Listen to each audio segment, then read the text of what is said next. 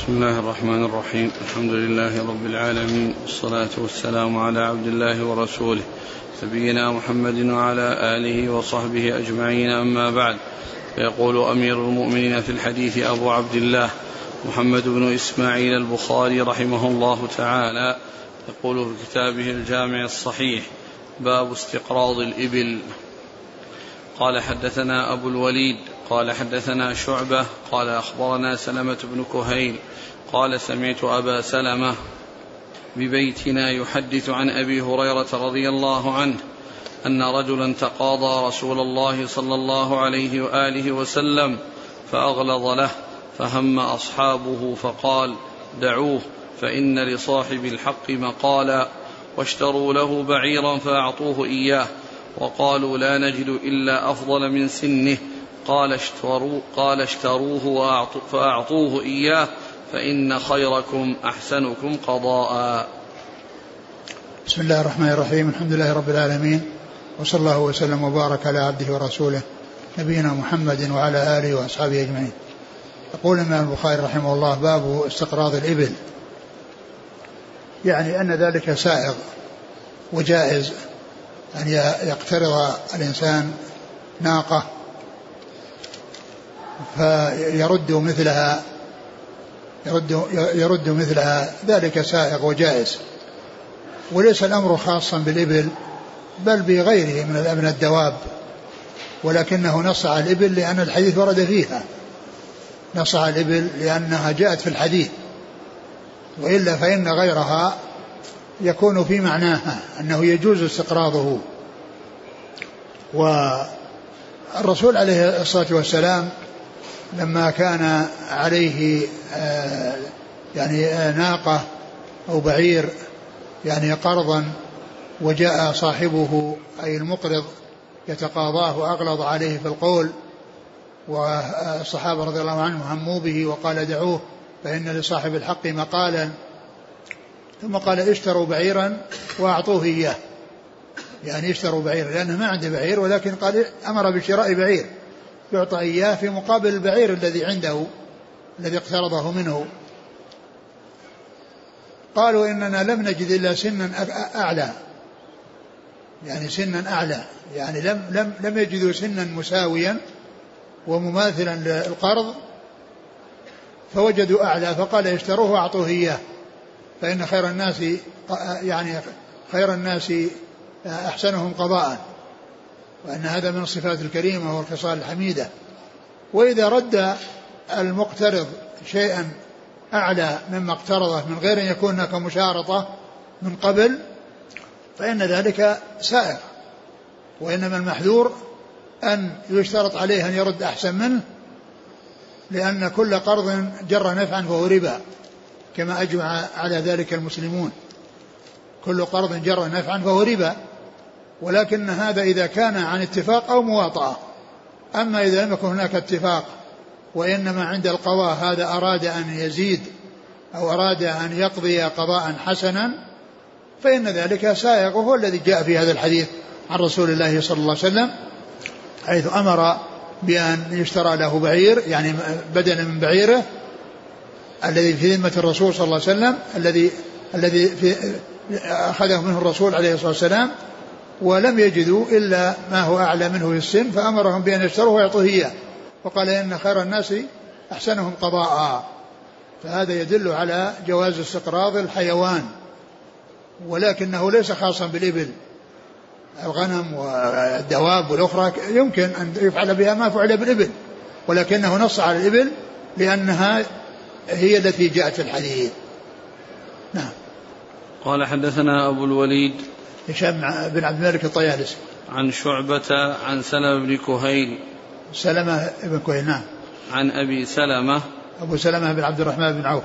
عن أبي هريرة. نعم. قال رحمه الله تعالى باب حسن التقاضي.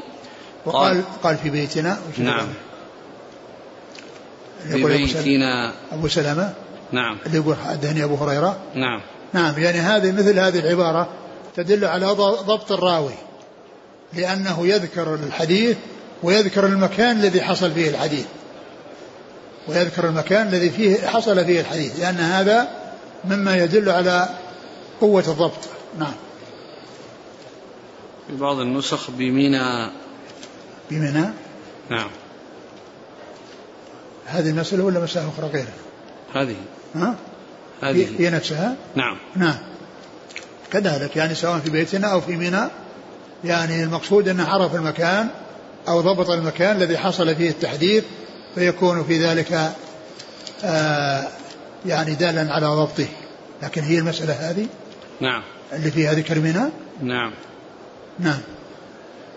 هل يجوز لصاحب الحق أن يغلظ القول عند التقاضي وإن لم يقصر المستدين في السداد؟ ما ينبغي ليس هذا من مكارم الأخلاق. قال رحمه الله تعالى باب حسن التقاضي. قال حدثنا مسلم. قال حدثنا شعبة عن عبد الملك عن ربعي عن حذيفة رضي الله عنه أنه قال سمعت النبي صلى الله عليه وآله وسلم يقول مات رجل فقيل له قال كنت أبايع الناس فأتجوز عن الموسر وأخفف عن المعسر فغفر له. قال أبو مسعود رضي الله عنه سمعته من النبي صلى الله عليه وآله وسلم. ثم ذكر حسن التقاضي يعني طلب ال ال ال ال الوفاء والحق الذي يعني عليه أو الحق الذي له عندما يطالب به يعني يكون محسنا في المعاملة وفي التقاضي.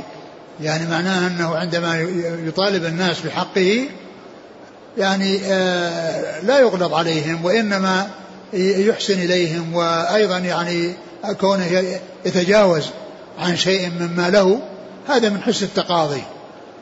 لأن التقاضي يعني كونه يتقاضى حقه ويطلب حقه يعني يحسن المعاملة لغيره عند طلب التقاضي. ولا يعني يأتي بكلام شديد ولا يغلظ يعني في القول لأن هذا من حسن التقاضي. وكونه أيضا يسامع ببعض حقه أو يسقط بعض حقه أيضا هذا من حسن التقاضي. ثم ورد هذا الحديث عن حذيفة الذي فيه الرجل الذي كان يعني يعني يسامح الناس ويقول للعاملين عنده يعني أنهم يتجاوزون عن الناس وأن هذا من أسباب المغفرة ومن أسباب حصول الثواب من الله عز وجل. فهو دال على حسن التقاضي ممن من من صاحب الحق عندما يطلب حقه يعني يحسن المعاملة فلا يتكلم بكلام شديد وأيضا يعني آآ آآ وأيضا يسامح يعني في بعض حقه أو يتنازل عن بعض حقه. نعم. قال حدثنا مسلم ابن إبراهيم. الفراهيد البصري عن شعبة عن عبد الملك. شعبة عن عبد الملك بن عمير. عن ربعي. عن ربعي بن حراش. عن حذيفة. عن حذيفة بن اليمان. قال أبو مسعود أبو سمعته مسعود. من النبي. نعم أيضا حديث آخر يعني كون عن حذيفة وأيضا عن عن أبي مسعود. وعن أبي مسعود. فهذا الإسناد كله يعني يعني لم ينسب يعني رواته. كل رواته لم ينسبوا. مسلم بن إبراهيم شعبة بن الحجاج آه عبد الملك بن عمير آه ربعي بن حراش حذيفة بن اليمان. كل واحد منهم ذكر اسمه دون اسم أبيه. نعم. فهم فهو من نوع المهمل. نعم هذا يسمى هذا يسمى المهمل. يعني كونه يذكر اسم الأب ولا يذكر اسم أبيه. هذا يقال له المهمل. والمهمل إذا كان إذا كان ليس هناك أحد يشارك فيه فهذا لا يؤثر. أهمل أو لم يهمل. مثل قتيبة بن سعيد. قتيبة بن سعيد لا يوجد في رجال الكتب الستة كلها كلهم من يقال له قتيبة إلا قتيبة بن سعيد. فسواء قيل قتيبة أو قيل قتيبة بن سعيد ليس فيه إشكال. ليس فيه إشكال. لأنه هو الوحيد الذي يسمى قتيبة في الكتب الستة في رجال الكتب الستة. وأما إذا كان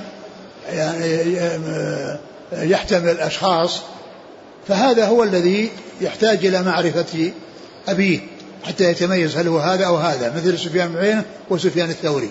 إذا جاء سفيان غير منسوب يحتمل هذا ويحتمل هذا. فهذا مهمل ومعرفة آه تمييز هذا من هذا بمعرفة الشيوخ والتلاميذ. بمعرفة الشيوخ والتلاميذ لسفيان بن عيينة وسفيان الثوري. وقد يكون شخص لم يروي عنه سفيان بن عيينة وروى عنه الثوري أو العكس. أو العكس. وكذلك حماد بن زيد وحماد بن سلمة. فهما كذلك. يعني مت يعني من قبيل من قبيل المهمل إذا ذكر أحدهما باسمه دون نسبه فيحتاج إلى معرفة هل هو هذا وهذا بمعرفة شيوخ التلاميذ. نعم. وهذا غير المبهم المبهم مثل رجل أن يقال رجل. هذا مبهم. وأما ذكر اسم الشخص دون اسم أبيه هذا يقال له مهمل. نعم. يعني مهمل النسبة. نعم. قال رحمه الله تعالى باب هل يعطى أكبر من سنه؟ قال حدثنا مسدد عن يحيى عن سفيان قال حدثني سلمة بن كهيل عن أبي سلمة عن أبي هريرة رضي الله عنه أن رجلا أتى النبي صلى الله عليه وآله وسلم يتقاضاه بعيرا. فقال رسول الله صلى الله عليه وسلم أعطوه. فقالوا ما نجد إلا سنا أفضل من سنه. فقال الرجل أوفيتني أوفاك الله. فقال رسول الله صلى الله عليه وسلم أعطوه فإن من خيار الناس أحسنهم قضاء. ثم ذكر باب آه، حسن باب هل يعطى أكبر من سنه؟ هل يعطى أكبر من سنه؟ أي السن الذي له؟ لأن له بعير سنة يعني آه، ثني أو سنة يعني أكثر من ذلك فإنه يعطى مثله ولكنه إذا أراد ال ال ال الذي عليه الحق أن يعطي أكثر من ذلك فإن ذلك سائر لأن هذا هو الذي فعله الرسول صلى الله عليه وسلم. هذا هو الذي فعله الرسول عليه الصلاة والسلام. كما في هذا الحديث أورده هنا من أجل إعطاء أكثر من السن وأورده قبل ذلك ل يعني ل حسن في الأول حسن استقراض الإبل. ها؟ أورده في الأول استقراض الإبل. نعم استقراض الإبل نعم. قال حدثنا مسدد ابن مسرهد عن يحيى بن سعيد القطان عن سفيان سفيان الثوري. عن سلمة بن كهيل عن أبي سلمة هذا سفيان سفيان هذا غير مهمل. سفيان مهمل ولكنه يعني هنا الثوري لأن يحيى بن سعيد القطان هو الذي يروي عنه. نعم. قال رحمه الله تعالى باب حسن القضاء. قال حدثنا أبو نعيم قال حدثنا سفيان عن سلمة عن أبي سلمة عن أبي هريرة رضي الله عنه أنه قال كان لرجل على النبي صلى الله عليه وآله وسلم سن من الإبل فجاءه يتقاضاه فقال صلى الله عليه وآله وسلم أعطوه فطلبوا سنة فلم يجدوا له إلا سنا فوقها فقال أعطوه فقال أوفيتني وفى الله بك. قال النبي صلى الله عليه وآله وسلم إن خياركم أحسنكم قضاء. ثم ذكر هذه الترجمة باب حسن القضاء. نعم. حسن القضاء يعني كون الذي عليه الحق يقضي بالحق الذي عليه بأكثر أو بأحسن من الشيء الذي عليه. فأورده هنا من أجل آه، حسن القضاء. وهنا أورده ثلاث مرات من أجل أولا الاستقراض والثاني في يعني إعطاء أكبر من سن إعطاء سن أكبر وهنا بحسن القضاء. وحسن القضاء هو كونه يعطي سن أكبر. يعطي سن أكبر هذا من حسن القضاء. نعم. قال حدثنا أبو نعيم الفضل بن دكين. عن سفيان الثوري. عن سلمة بن كهيل. عن أبي سلمة عن أبي هريرة. نعم. قال حدثنا خلاد قال حدثنا مسعر قال حدثنا محارب بن دثار. عن جابر بن عبد الله رضي الله عنهما أنه قال أتيت النبي صلى الله عليه وآله وسلم وهو في المسجد. قال مسعر أراه قال ضحى. فقال صل ركعتين وكان لي عليه دين فقضاني وزادني.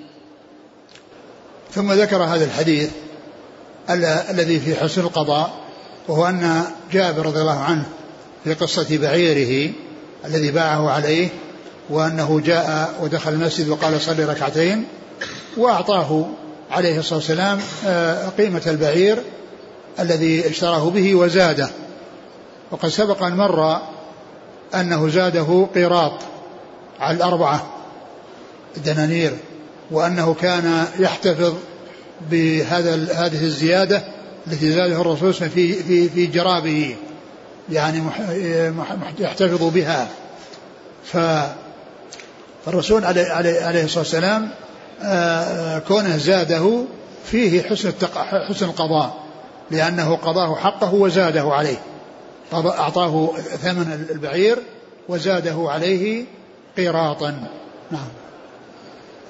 قال حدثنا خلاد ابن يحيى.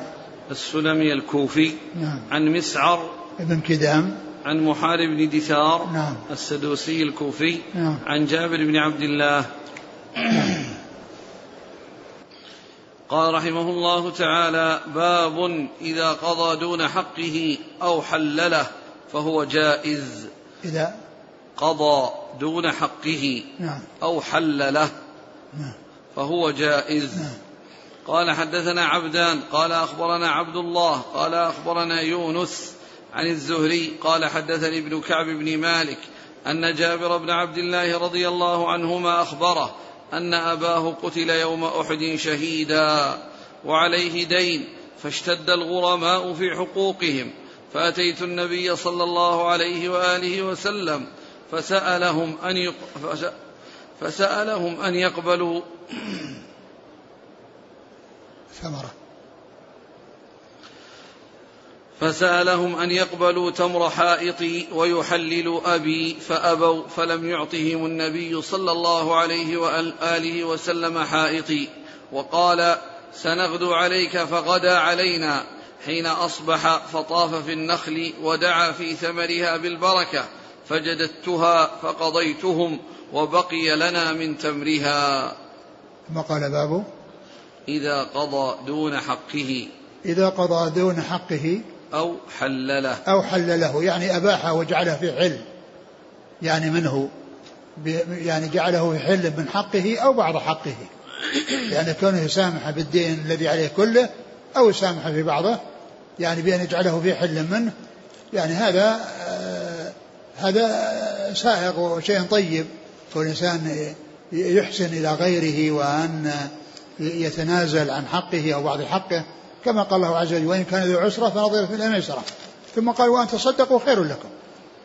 يعني يكون المعسر ينظر ويترك له أمد يعني زائد أمام هذا هذا هذا هذا مطلوب. لكن أحسن منه أنه يتنازل وأنه يسقط حقه وبعض حقه. وإن كان ذو عسرة فنظر إلى ميسرة وأن تصدقوا يعني أن تصدقوا بإسقاط الدين كله أو ببعضه فإن هذا خير وهذا أفضل. ف يعني هنا لما ذكر ما يتعلق بحسن القضاء والزيادة ذكر ما يقابله وهو الإنسان قضى ولكنه دون دون الحق. ولكن فيما إذا يعني آه، قبل وافق صاحب الدين وافق صاحب الدين أو أو أو أنه آه، حل له يعني جعله في حل يعني من من من من من من, باق من بقية حقه فإن هذا سائق مثل ما أن ذاك الزيادة سائقة وما من حسن التقاضي وهذا يكون من من من ناحية ال من ناحية ال ال ال ال الذي عليه الحق. هذا يعني فيما يتعلق بحسن التعامل ممن ممن له الحق. بحيث انه يأخذ بعض حقه ويتنازل عن باقيه أو يسامح في باقيه. وذكر يعني يعني حديث جابر رضي الله عنه في قصة آه، وفاة أبيه وأنه كان عليه دين وأن الغرماء يعني آه، طلب منهم أنهم يأخذوا الثمر عن الذي لهم وكان يعني ينقص عن حقهم فأبوا ذلك فالرسول عليه الصلاة والسلام جاء ودعا فيه بالبركة فبارك الله تعالى فيه وجذ لهم حتى أعطاهم حقهم وبقي زيادة وبقي زيادة بما حصل من دعاء رسول الله صلى الله عليه وسلم وإجابة الله دعوته حيث كثر ذلك المال الذي لم يقبلوه وأعطوا منه حقهم كاملا وبقي لجابر ويعني وأخواته يعني شيء زائد على ذلك. نعم. قال حدثنا عبدان وعبد الله بن عثمان المروزي. عن عبد الله بن المبارك المروزي. عن يونس عن الزهري. نعم. عن عن, عن؟ يونس. يونس بن يزيد الأيلي عن الزهري. نعم. عن ابن كعب بن مالك. نعم. هو عبد الرحمن أو عبد الله. عن جابر بن عبد الله. نعم. قال رحمه الله تعالى باب إذا قاص أو جازفه في الدين تمرا بتمر أو غيره. قال حدثنا إبراهيم بن المنذر قال حدثنا أنس عن هشام عن وهب بن كيسان عن جابر بن عبد الله رضي الله عنهما أنه أخبره أن أباه توفي وترك عليه ثلاثين وسقا لرجل من اليهود. فاستنظره جابر فأبى أن ينظره. فكلم جابر رسول الله صلى الله عليه وسلم ليشفع له إليه. فجاء رسول الله صلى الله عليه وآله وسلم وكلم اليهودي ليأخذ ثمر نخله بالذي له فأبى. فدخل رسول الله صلى الله عليه وسلم النخل فمشى فيها. ثم قال لجابر جد له فأوفي له الذي له. فجد له بعدما رجع رسول الله صلى الله عليه وسلم فأوفاه ثلاثين وسقا وفضلت له سبعة عشر وسقا فجاء جابر رسول الله صلى الله عليه وآله وسلم ليخبره بالذي كان فوجده يصلي العصر فلما انصرف أخبره بالفضل فقال أخبر ذلك ابن الخطاب.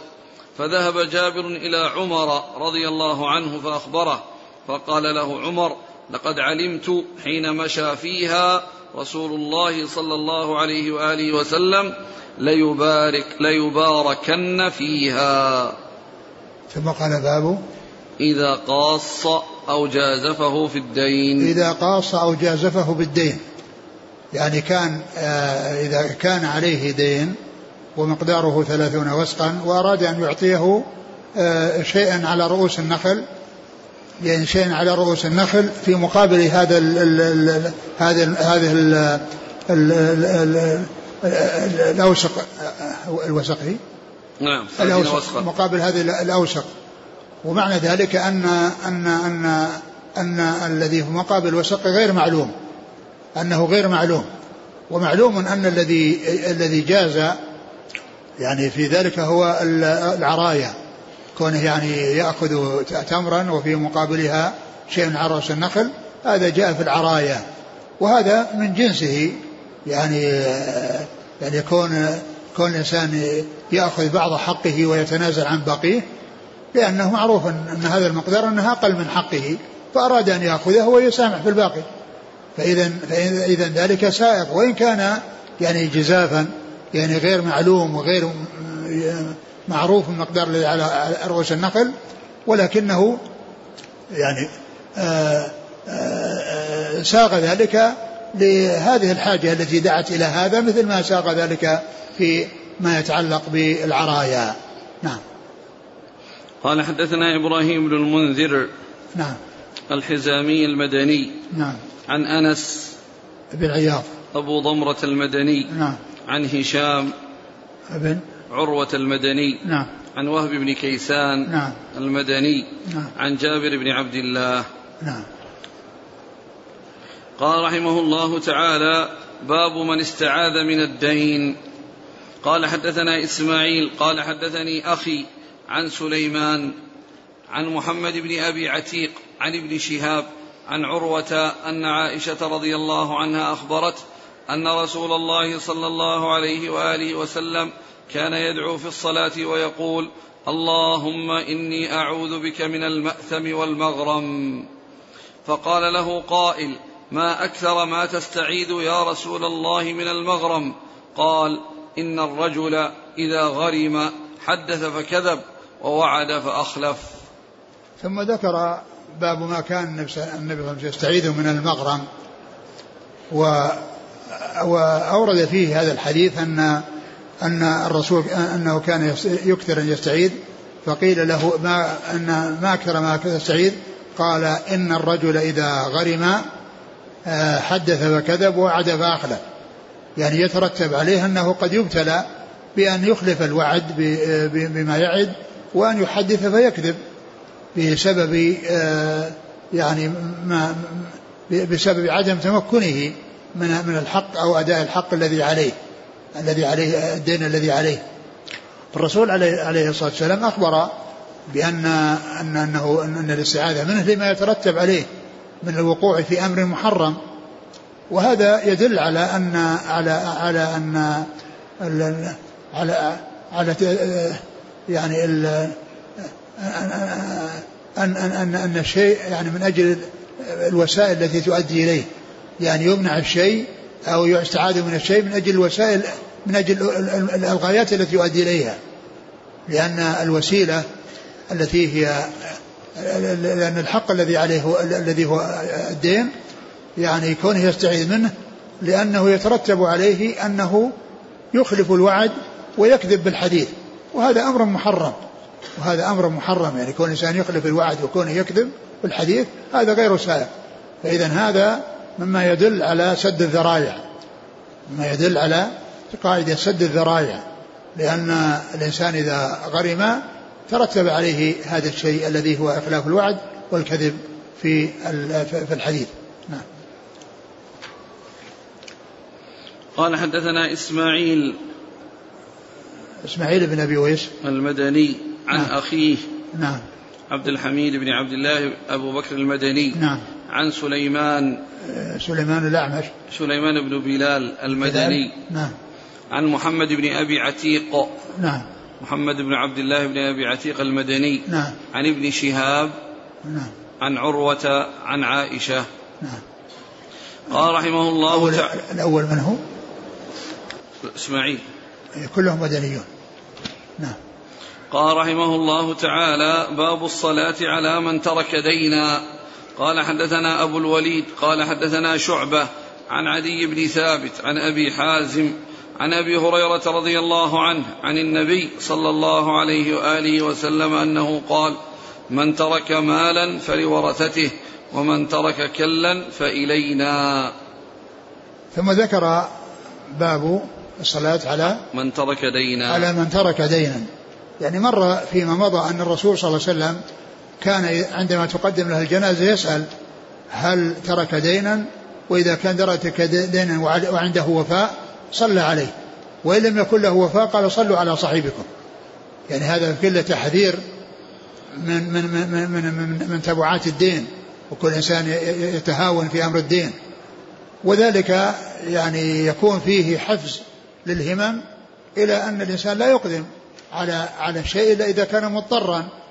لأنه إذا كان الرسول صلى الله عليه وسلم يمتنع من الصلاة عليه ويفوته يعني هذا يعني شفاعة الرسول صلى الله عليه وسلم له يعني معناه إنه مصيبة كبيرة.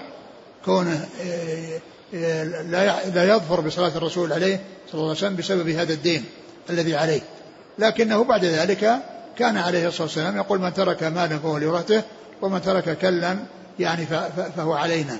يعني من ترك عيالا أو ترك يعني ضياعا اللي هم العيال فإنه هو هو الذي الذي يعطيهم. ولكن كان هناك ميراث فهو لهم.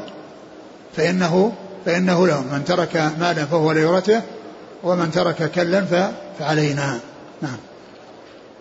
قال حدثنا أبو الوليد نعم هشام عن الملك. عن شعبة عن عدي بن ثابت نعم. عن أبي حازم عن أبي هريرة سلمة بن دينار. أبو حازم سلمان الأشجعي.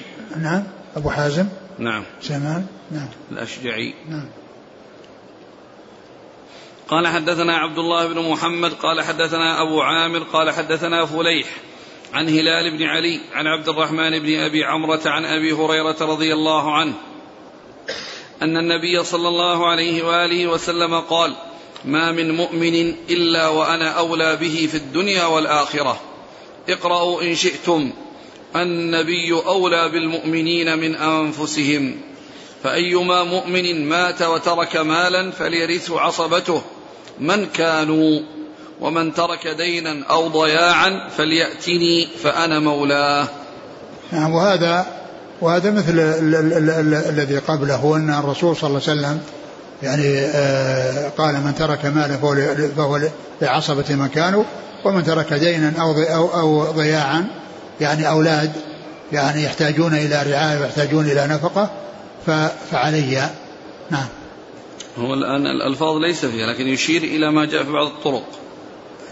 كيف؟ باب الصلاة على من ترك دينا. نعم. الصلاة على من ترك دينا هو جاء يعني أن أن كان الطريقة الأولى ذكر فيه الطريقة الأولى. ليس كذلك. ها؟ ما في ذكر الصلاة ما في ذكر نعم. من ترك مالا فلورثته ومن ترك كلا فإلينا يعني معناه أنه يصلي عليه في الآخر. كان يصلي عليه في الآخر وفي أول الأمر كان يقول صلوا على صاحبكم قبل أن تكثر تحصل الفتوح والغنائم. نعم.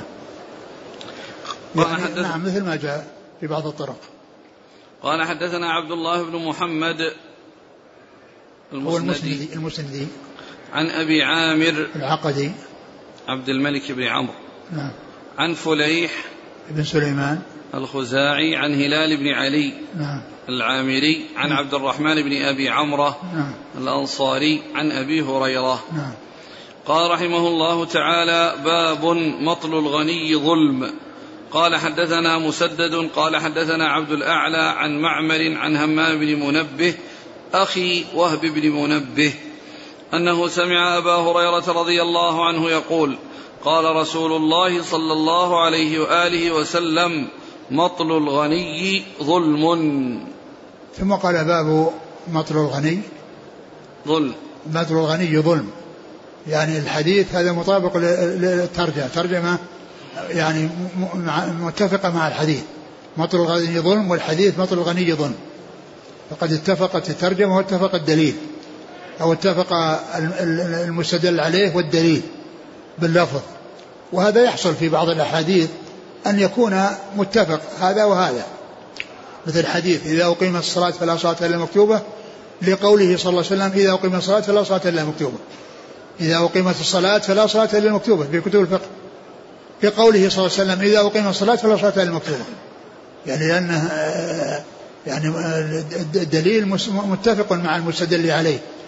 وهنا الحديث مطابق للترجمة. والمقصود به أنه في قضاء الدين من الناس من يماطل ويحصل منه المطل وهذا ظلم لأنه مضاف للغني. وأما لو كان مضافا إلى يعني إلى إلى فقير يعني هذا معذور. ما يقال أنه أن أنه آه، أنه حصل منه ظلم وإنما ما عنده شيء. وهذا هو الذي قد مر في الحديث أنه قد يعد فيكذب ويحد يعد, يعد فلا فلا فلا يوفي ويحدث ويكذب. أن أن هذا من نتائجه ومن آثاره. نعم. قال حدثنا مسدد عن عبد الأعلى ابن عبد الأعلى. عن معمر ابن راشد. عن همام بن منبه أخي وهب بن منبه. نعم. عن أبي هريرة. نعم. قال رحمه الله تعالى باب لصاحب الحق مقال. ويذكر عن النبي صلى الله عليه وسلم لي الواجد يحل عقوبته وعرضه.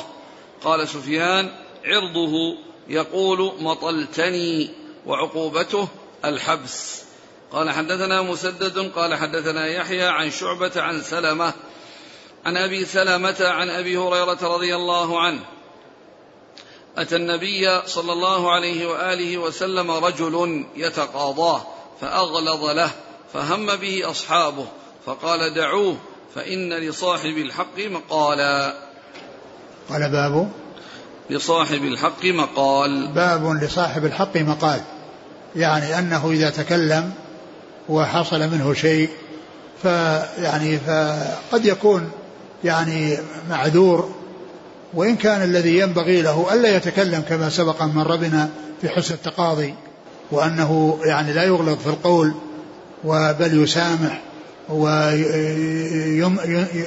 يعني ينظر يعني نظرة إلى ميسرة أو يتسامح عن حقه كلها أو عن بعضه عن كله أو بعضه. ثم أورد هذا الحديث وذكر قبل ذلك ويذكر عن النبي صلى قال لي الواجد ظلم لي الواجد يحل لي الواجد ظلم يحل عرضه وعقوبته. وهذا الحديث جاء يعني في بإسناد حسن وهو يبين يعني وهو مثل مطلب الغني ظلم لأن الواجد هو الغني الذي عنده المال. يعني واجد سداد الدين ولكنه يعني يماطل في ذلك. واللي هو المطل وهو ظلم. ويحل عرضه وعقوبته يعني يحل عقوبته بأن يسجن حتى يدفع الحق الذي عليه وعرضه بأن يتكلم في عرضه بأن يقال مطلني أو أساء إلي أو قال يعني منعني حقي أو منعني حقي. هذا هو المقصود بالعرض. يعني يعني معناه أنه لا يعتبر من الغيبة كونه يتكلم فيه. وهذا من المسائل المستثنات فيما يتعلق بالغيبة. فإن هذا كلام في غيبته يعني فيما لا يعجبه ولكنه سائغ لقوله صلى الله عليه وسلم يحل عرضه بأن, بأن يقول مطلني في حقي أو إنسان ما أحسن إلي أو فلان يعني أتعبني في الترداد عليه وما, وما أشبه ذلك. ثم ذكر الحديث الذي فيه مطل غني حي أن الرجل أتى يتقاضى فأغلظ نعم. فهم الصحابة به فقال دعوه فإن لصاحب الحق مقالا. نعم دعوه فإن لصاحب الحق مقالا. والترجمة أن لصاحب الحق مقال. نعم. قال حدثنا مسدد عن يحيى القطان. عن شعبة عن سلمة عن أبي سلمة عن أبي هريرة. نعم. قال رحمه الله تعالى باب إذا وجد ماله عند مفلس في البيع والقرض والوديعة فهو أحق به. وقال الحسن إذا أفلس وتبين لم يجز عتقه ولا بيعه ولا شراؤه. وقال سعيد بن المسيب قضى عثمان رضي الله عنه من اقتضى من حقه قبل أن يفلس فهو له ومن عرف متاعه بعينه فهو أحق به. قال حدثنا أحمد بن يونس قال حدثنا زهير قال حدثنا يحيى بن سعيد قال أخبرني أبو بكر بن محمد بن عمرو بن حزم أن عمر بن عبد العزيز أخبره أن أبا بكر بن عبد الرحمن بن الحارث بن هشام أخبره أنه سمع أبا هريرة رضي الله عنه يقول قال رسول الله صلى الله عليه وسلم أو قال سمعت رسول الله صلى الله عليه وسلم يقول من أدرك ماله بعينه عند رجل أو إنسان قد أفلس فهو أحق به من غيره. من أدرك؟ من أدرك ماله بعينه عند رجل أو إنسان قد أفلس فهو أحق به من غيره.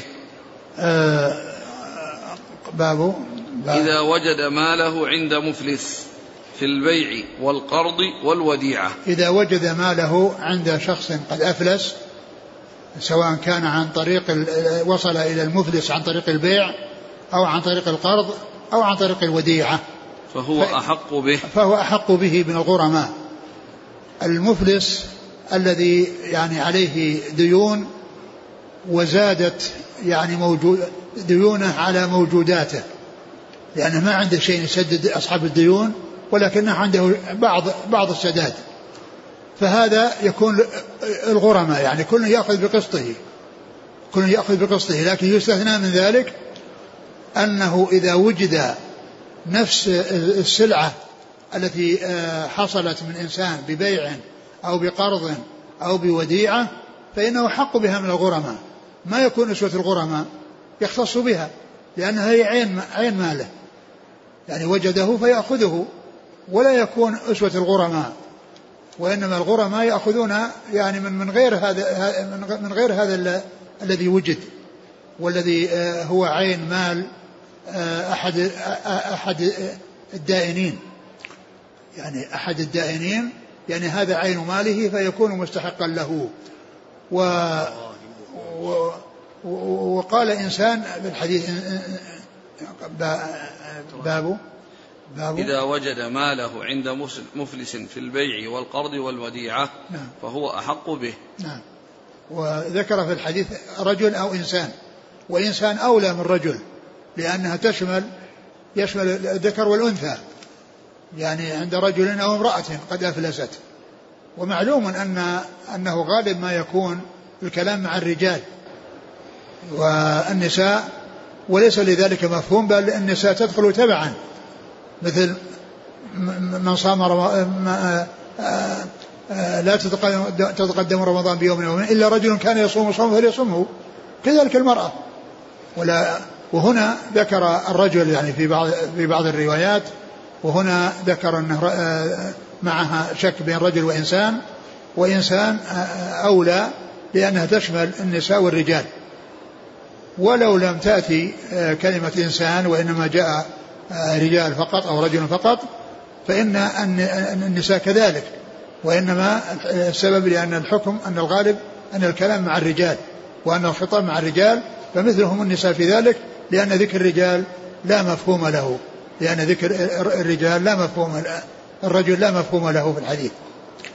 قال الحديث الآثار فقال الحسن إذا أفلس وتبين لم يجز عتقه ولا بيعه ولا شراؤه. إذا أفلس وتبين فلسه أو إفلاسه ليس له أن يتصرف.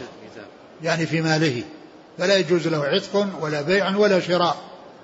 وإنما يعني يحجر عليه ويمنع من التصرف في ماله ويسدد للغرباء للغرماء يعني تعطى يعطون حقوقهم.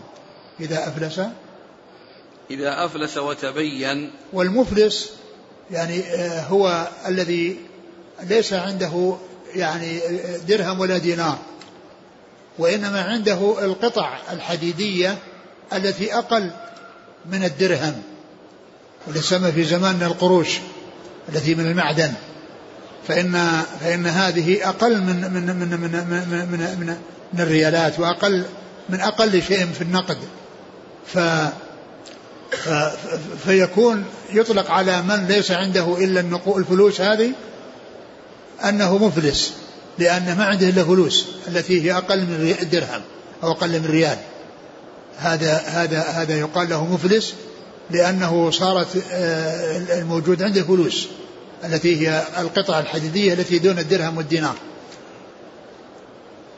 ويقول الشاعر لقد هزلت لقد هزلت حتى بدا من هزالها كلاها وحتى سامها كل مفلس وحتى سامها كل مفلس يعني قول سامها يدل على أن شيء يسوم عنده شيء يسوم به ولكن اللي عنده فلوس الذي عنده فلوس التي هي التي هي القروش أو الأشياء الحديدية التي هي تنقص عن الدرهم التي تنقص عن أقل شيء الذي هو الدرهم. لقد هزلت حتى بدأ يعني يصف دابة أصابها الهزال الشديد حتى ظهرت كلاها من الضمور ضمور بطنها طلعت الكلى برزت. وحتى سامها كل مفلس حتى المفلسين اللي ما عندهم إلا القطع الحديدية هذه يتقدمون لشرائها لأنها قيمتها هبطت حتى وصلت إلى أن المفلسين يتقدمون لشرائها. نعم. الحديث قال؟ هذا أثر حسن قال إذا أفلس وتبين لم يجز عتقه. يعني تبين إفلاسه نعم. نعم. لم يجوز له عتق يعني إذا كان عنده حب ما يعتق نعم. ولا يبيع ولا يشتري. يعني يحجر عليه. وقال سعيد والأول في الكتاب يعني باب يعني باب الاستقراض الاستقراض وقضاء الديون والحجر والتفليس. نعم هذا فيه الحجر والتفليس. نعم. وقال سعيد بن المسيب قضى عثمان من اقتضى من حقه قبل أن يفلس فهو له ومن, ومن عرف متاعه بعينه فهو أحق يعني به. قضى عثمان أن من وصل إليه شيء من حقه قبل أن يفلس هو له ما دام أنه وصل إليه قبل الإفلاس. ما دام أنه وصل إليه قبل الإفلاس. ومن عرف متاعه يعني عند المفلس فهو أحق به. فهو أحق به. وليس أسوة الغرماء. لأن عين ماله هو. نعم. ثم ذكر الحديث. نعم. حديث أبي هريرة من أدرك ماله بعينه عند رجل أو إنسان قد أفلس فهو أحق به من غيره. حين أحق به من الغرماء الآخرين. أحق به من غيره يعني يأخذه يستوفي به يأخذه وفاء وسدادا لأنه عين ماله. لكن لو أنه قد استوفى بعضه استوفى بعض حقه فإنه لا يستحق ذلك. لأنه آه، وصل إليه بعض حقه فيكون نسوة الغرماء. نعم. قال حدثنا أحمد بن يونس نعم. عن زهير بن معاوية. عن يحيى بن سعيد الأنصاري. عن أبي بكر بن محمد بن عمرو بن حزم نعم. عن عمر بن عبد العزيز نعم. عن أبي بكر بن عبد الرحمن بن الحارث بن هشام نعم. عن أبي هريرة نعم. ذكروا في ترجمة أبي بكر بن عبد الرحمن بن الحارث بن هشام أنه يلقب راهب قريش. يلقب إيش؟ راهب قريش. إيش الكلمة الأولى؟ لكثرة صلاته. راهب نعم. نعم. قال رحمه الله تعالى باب من أخر الغريم إلى الغد أو نحوه ولم ير ذلك مطلا وقال جابر اشتد الغرماء في حقوقهم في دين أبي فسألهم النبي صلى الله عليه وسلم أن يقبلوا ثمر حائطي فأبوا فلم يعطهم الحائط ولم يكسره لهم قال سأغدو عليك غدا فغدا علينا حين أصبح فدعا في ثمرها بالبركة فقضيتهم.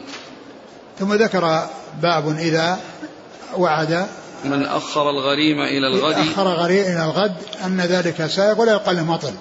لأن الرسول عليه الصلاة والسلام لما آه، جاء الغرماء يتقاضون حقهم من عند جابر وأنه آه، آه، يعني ولم يوافقوا أنهم يأخذونه بالشيء الذي لهم فالرسول عليه الصلاة والسلام قال إني أغدو إليك غدا وهذا محل الشاهد لأنه أمهله إلى بكرة.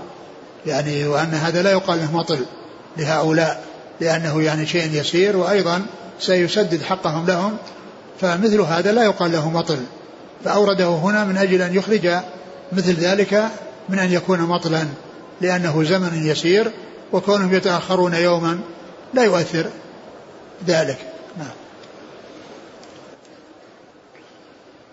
قال رحمه الله تعالى باب من باع مال المفلس أو المعدم فقسمه بين الغرماء أو أعطاه حتى ينفق على نفسه.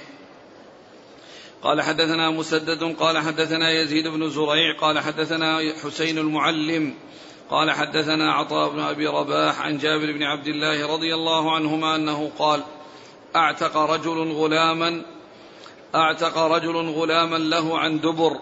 فقال النبي صلى الله عليه وآله وسلم من يشتريه؟ من يشتريه مني؟ فاشتراه نعيم بن عبد الله فأخذ ثمنه فدفعه إليه.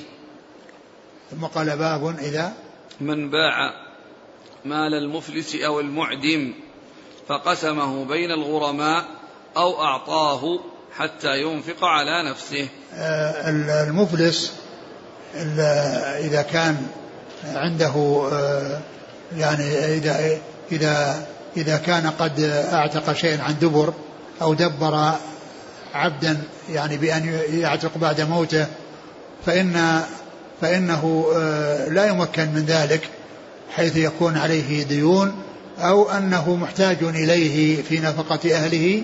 فالرسول عليه الصلاة والسلام آه، نادى عليه في البيع قال من يشتري مني فاشتري منه وأعطاه آه، إياه لينفق بها على نفسه لينفق بها عن نفسه. وهذا مطابق للجزء الثاني من الترجمة اللي يعطيه عن نفسه ينفق به ينفقه على نفسه.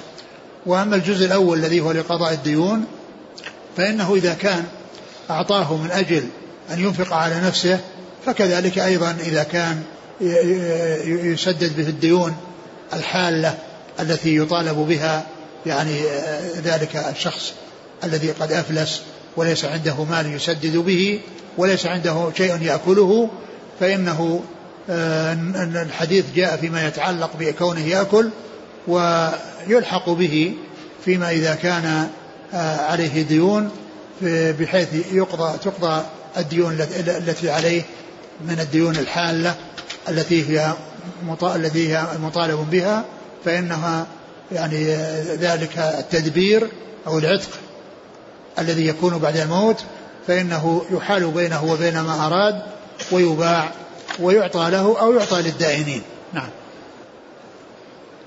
قال حدثنا مسدد عن يزيد بن زريع عن حسين المعلم نعم. عن عطاء بن أبي رباح عن جابر بن عبد الله نعم.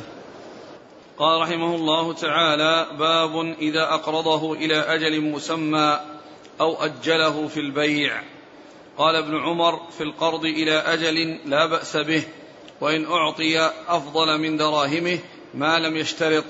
وقال عطاء وعمر بن دينار هو إلى أجله في القرض. وقال الليث حدثني جعفر بن ربيعة عن عبد الرحمن بن هرمز عن أبي هريرة رضي الله عنه عن رسول الله صلى الله عليه وآله وسلم أنه ذكر أنه ذكر رجلا من بني إسرائيل سأل بعض بني إسرائيل أن يسلفه فدفعها إليه إلى أجل مسمى الحديث. ثم قال باب الإقراض إلى أجل أو البيع إلى أجل. إذا أقرضه إلى أجل مسمى أو أجله في البيع. إذا أقرضه إلى أجل مسمى أو أجله في البيع. أو أجله في البيع. يعني أما بالنسبة للتأجيل في البيع فهذا يعني بالإجماع. يعني أنه يعني كونه يعني يجعل له أجل يعني كونه أنه يجعل له أجل هذا بالإجماع. وأما بالنسبة للقرض فقد اختلف العلماء في التأجيل وعدمه فجمهورهم قالوا إنه إنه يجوز التأجيل. وبعضهم قال إنه لا يؤجل وإنما يبقى بدون تأجيل. ولا شك أن كون الإنسان يقرض بدون أن يؤجل أولى ولكنه إذا أجل فإن ذلك جائز لأنه جاء الدليل الدال على ذلك في حديث الإسرائيلي هذا الذي أخبر عنه الرسول صلى الله عليه وسلم أنه جاء إلى رجل وطلب منه أن يسلفه آه، آه، مئة دينار مئة؟ لا لا مذكر ألف دينار إلى أجل إلى أجل مسمى. هذا فيه القرض والتأجيل. فيه القرض وفيه التأجيل فهو سائغ ولا بأس به. وبعض العلم قال إنه لا يؤجل أنه لا يكون التأجيل لأن المقصود به الإرفاق والإرفاق يعني ما ما يناسب معه التأجيل. وقد أخبر بذلك الرسول صلى الله عليه وسلم في هذا الحديث عمن قبلنا وهو فيه إقرار لذلك الشيء. فيه إقرار لذلك الشيء.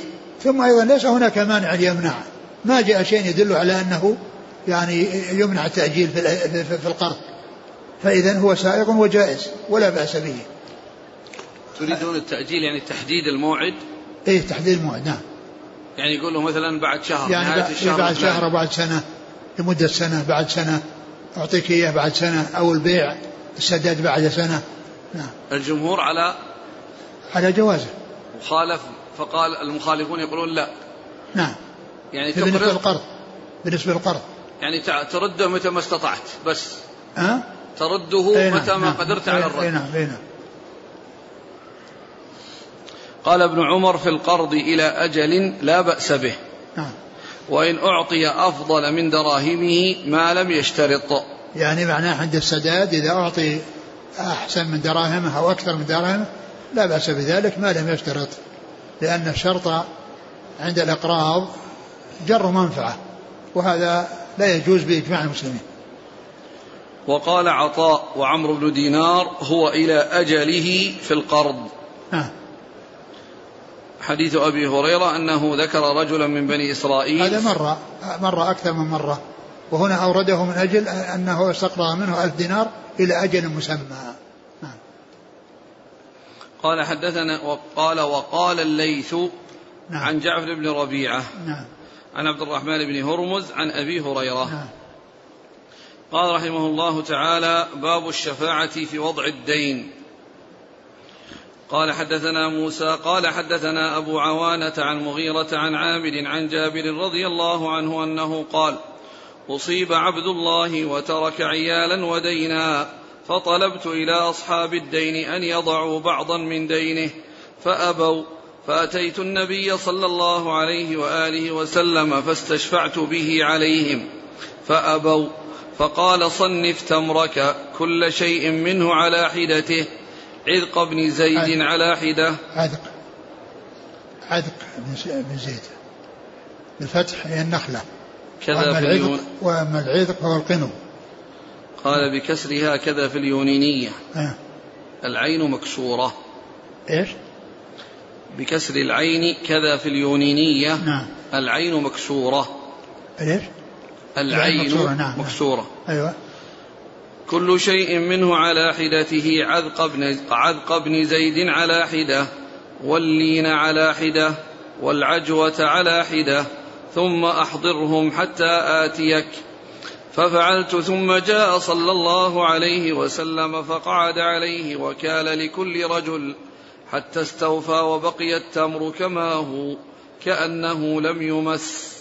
وغزوت مع النبي صلى الله عليه وسلم على ناضح لنا فأزحف الجمل فتخلف علي فوكزه النبي صلى الله عليه وسلم من خلفه. قال بعنيه ولك ظهره إلى المدينة. فلما دنونا استأذنت قلت يا رسول الله إني حديث عهد بعرس. قال صلى الله عليه وسلم فما تزوجت؟ فما تزوجت بكرا أم ثيبا قلت ثيبا. أصيب عبد الله وترك جواري صغارا فتزوجت ثيبا تعلمهن وتؤدبهن. ثم قال ائت أهلك فقدمت فأخبرت خالي ببيع الجمل. فلامني فأخبرته بإعياء الجمل. وبالذي كان من النبي صلى الله عليه وآله وسلم ووكزه إياه. فلما قدم النبي صلى الله عليه وسلم غدوت إليه بالجمل فأعطاني ثمن الجمل والجمل وسهمي مع القوم. ثم ذكر باب الشفاعة في وضع الدين. باب الشفاعة في وضع الدين. يعني وضعه كله أو بعضه.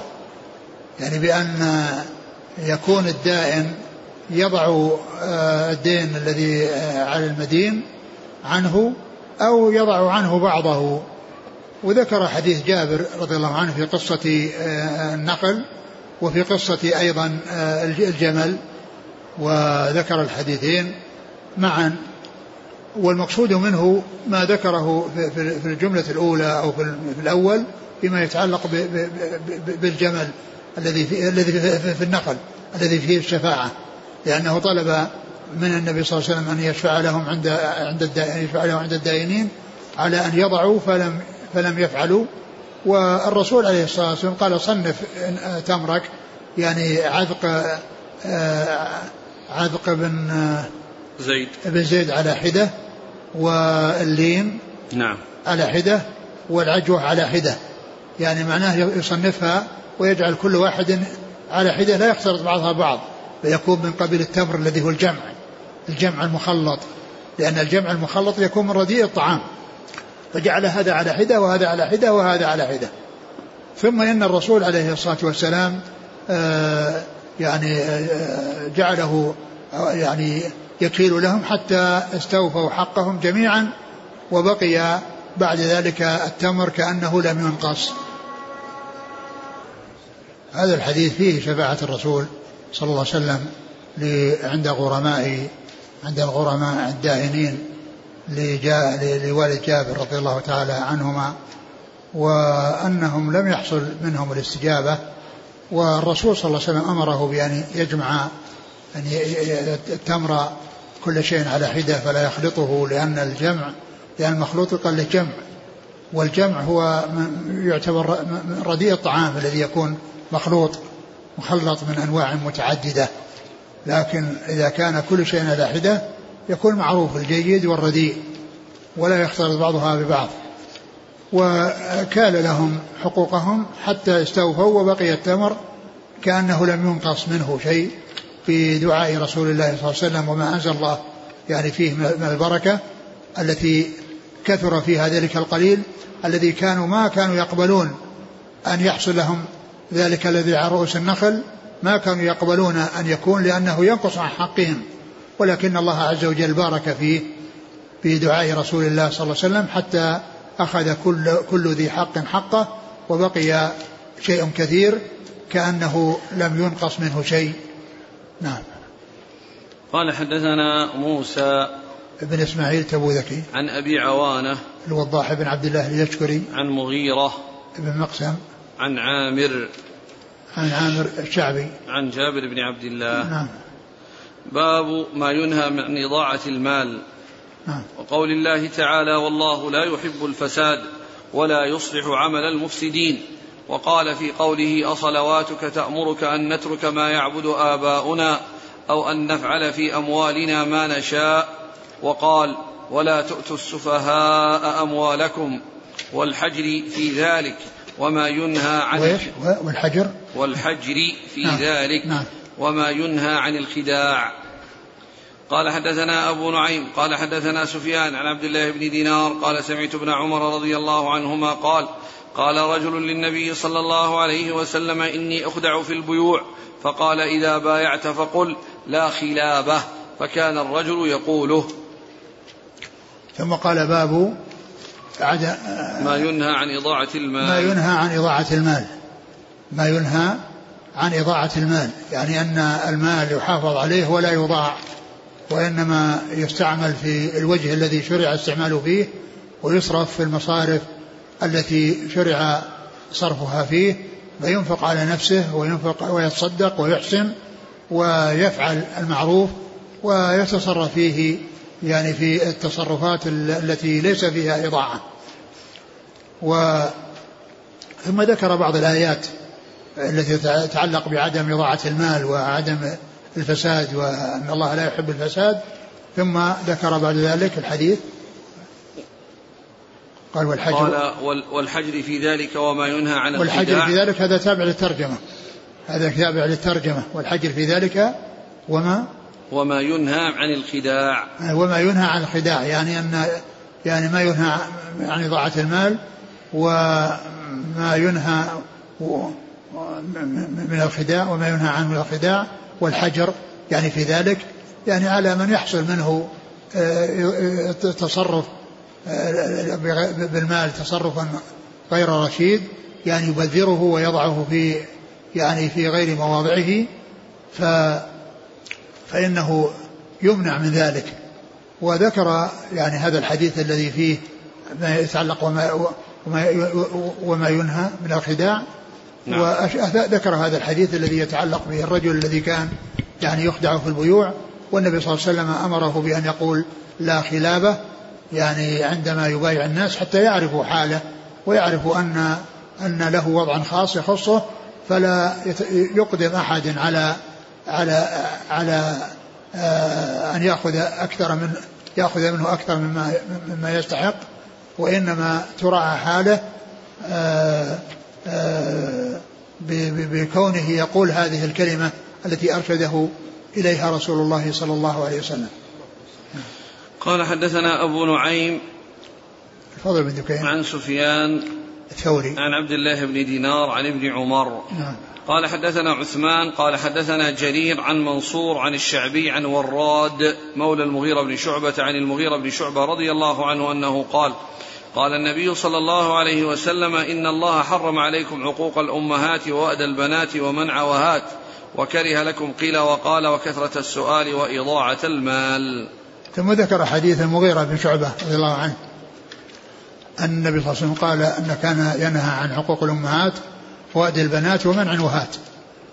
حقوق الأمهات آه، مثلها آه، حقوق الأب ولكن آه، الأم لضعفها ولكثرة تعبها عليه ول يعني لملازمتها له يعني في رعايته والعناية به فإن حقها أعظم من حقه. ولهذا الرسول صلى الله عليه وسلم ما سئل عن من أبر من يضر قال أمك ثم قال أمك ثم قال أمك ثم قال أباك. يعني فحق الأم أكثر من حق الأب وأعظم من حق الأب لكثرة تعبها عليه على الإبن في تربيته وتنشئته وإرضاعه. والقيام به يعني وبشؤونه.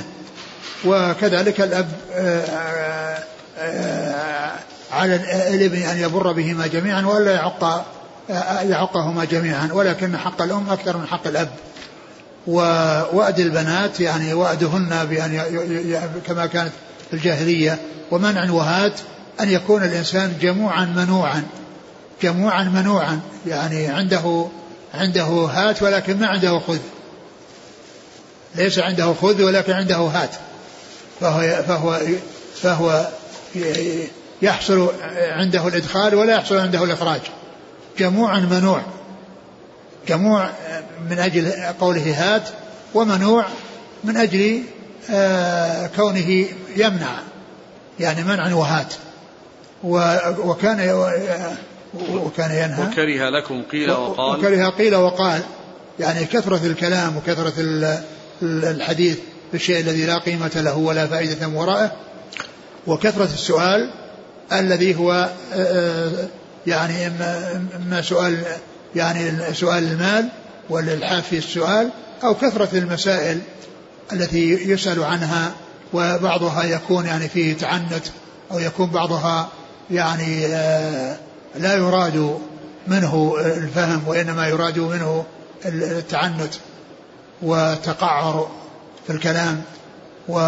وإضاعة المال هذا هو محل الشاهد. الجملة الأخيرة إضاعة المال. فالمال لا يضاع يعني في, في, في أي وجه من وجوه الضياع وإنما يحافظ عليه ويصرف في مصارفه. يؤخذ من حله ويوضع فيما شرع وضعه فيه. نعم.